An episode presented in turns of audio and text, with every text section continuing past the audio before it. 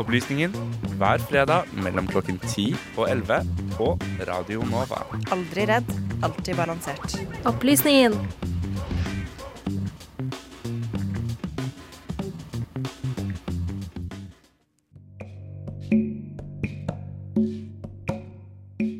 En 73 år gammel pensjonist med 15 000 på innerlomma er Norges mest omtalte spion de siste to årene. Siden hans arrestasjon i Russland tilbake i desember 2017. Spion, sier noen. Kurer, sier andre. Den siste beskrivelsen er nok mer korrekt. Berg skulle overlevere penger til en russisk kontakt, motta et dokument og holde en lav profil. Per definisjon er Frode Berg en cut-out, slik terminologien ble presentert av International Spy Museum, hvor definisjonen lyder A mechanism or person used to create a compartment between the members of an operation to allow them to pass material or messages securely. Also, an agent who functions as an intermediary between a spy and other subjects. Frode Berg har trolig fungert som en cutout som vet fint lite om hvem som spesifikt har sendt han, bortsett fra at det var de norske myndighetene. Identiteten til den han skulle møte, har trolig også vært ukjent for han, og informasjonen han skulle samle, har trolig også ikke vært kjent for han. Dette er trolig til Bergs fordel, i og med han ble tatt, da de russiske myndighetene ikke har noen informasjonsnytte med den pensjonerte grensevakten. Det er apropos dette jeg startet å finne interesse for denne saken. Hvorfor rekrutterer det norske etterretningssirkuset pensjonister til å utføre denne typen oppdrag? Hvor er Norges James Bond? Eller i det minste en moderne Sonja Wigert, slik vi nå kan se henne på kinolerretet?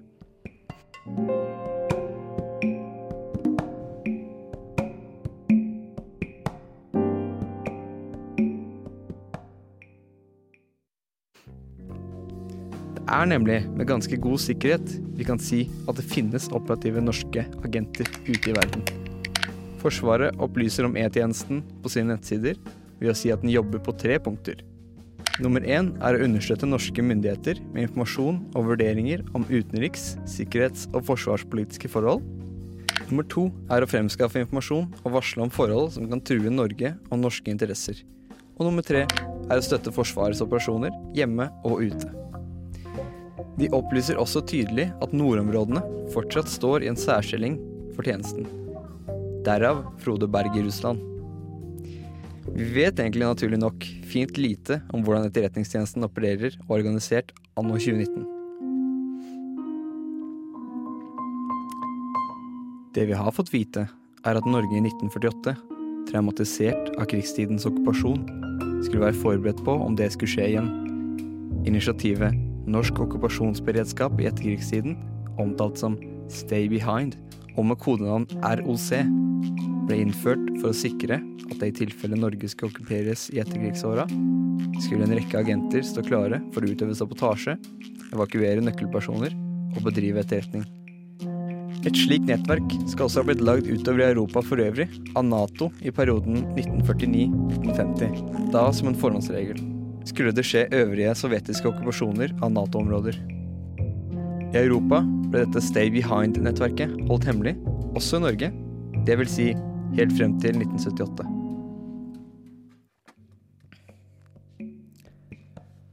Hans Otto Meyer skal ha vært en av Oslos storkarer på 70-tallet. Han var rederskjønn, var god for penger og kreditt i banken.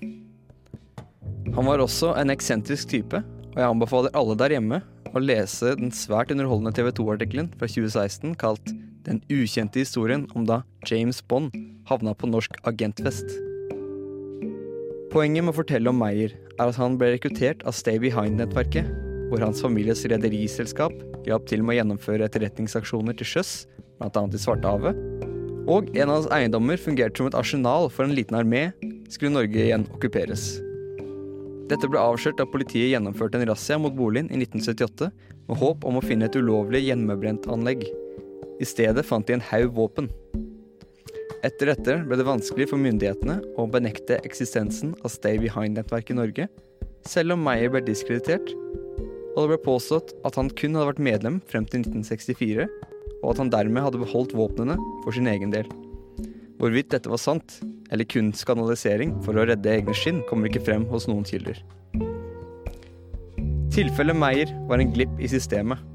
Våpnene ble ikke levert tilbake da Meyer gikk ut av organisasjonen. Det er grunn til å tro at dette er en engangshistorie som vi ikke vil få flere av, sa daværende forsvarsminister Rolf Hansen. Stay Behind-nettverket i Europa ble oppløst i 1990 etter at den italienske organisasjonen Gladio ble avslørt og offentligheten anklagde de italienske myndighetene for å besitte en hemmelig hær. Italienerne forsvarte seg med at dette var et faktum i hele Europa. Europaparlamentet passerte en skarp resolusjon som fordømte denne typen organisasjoner i Europa samme året.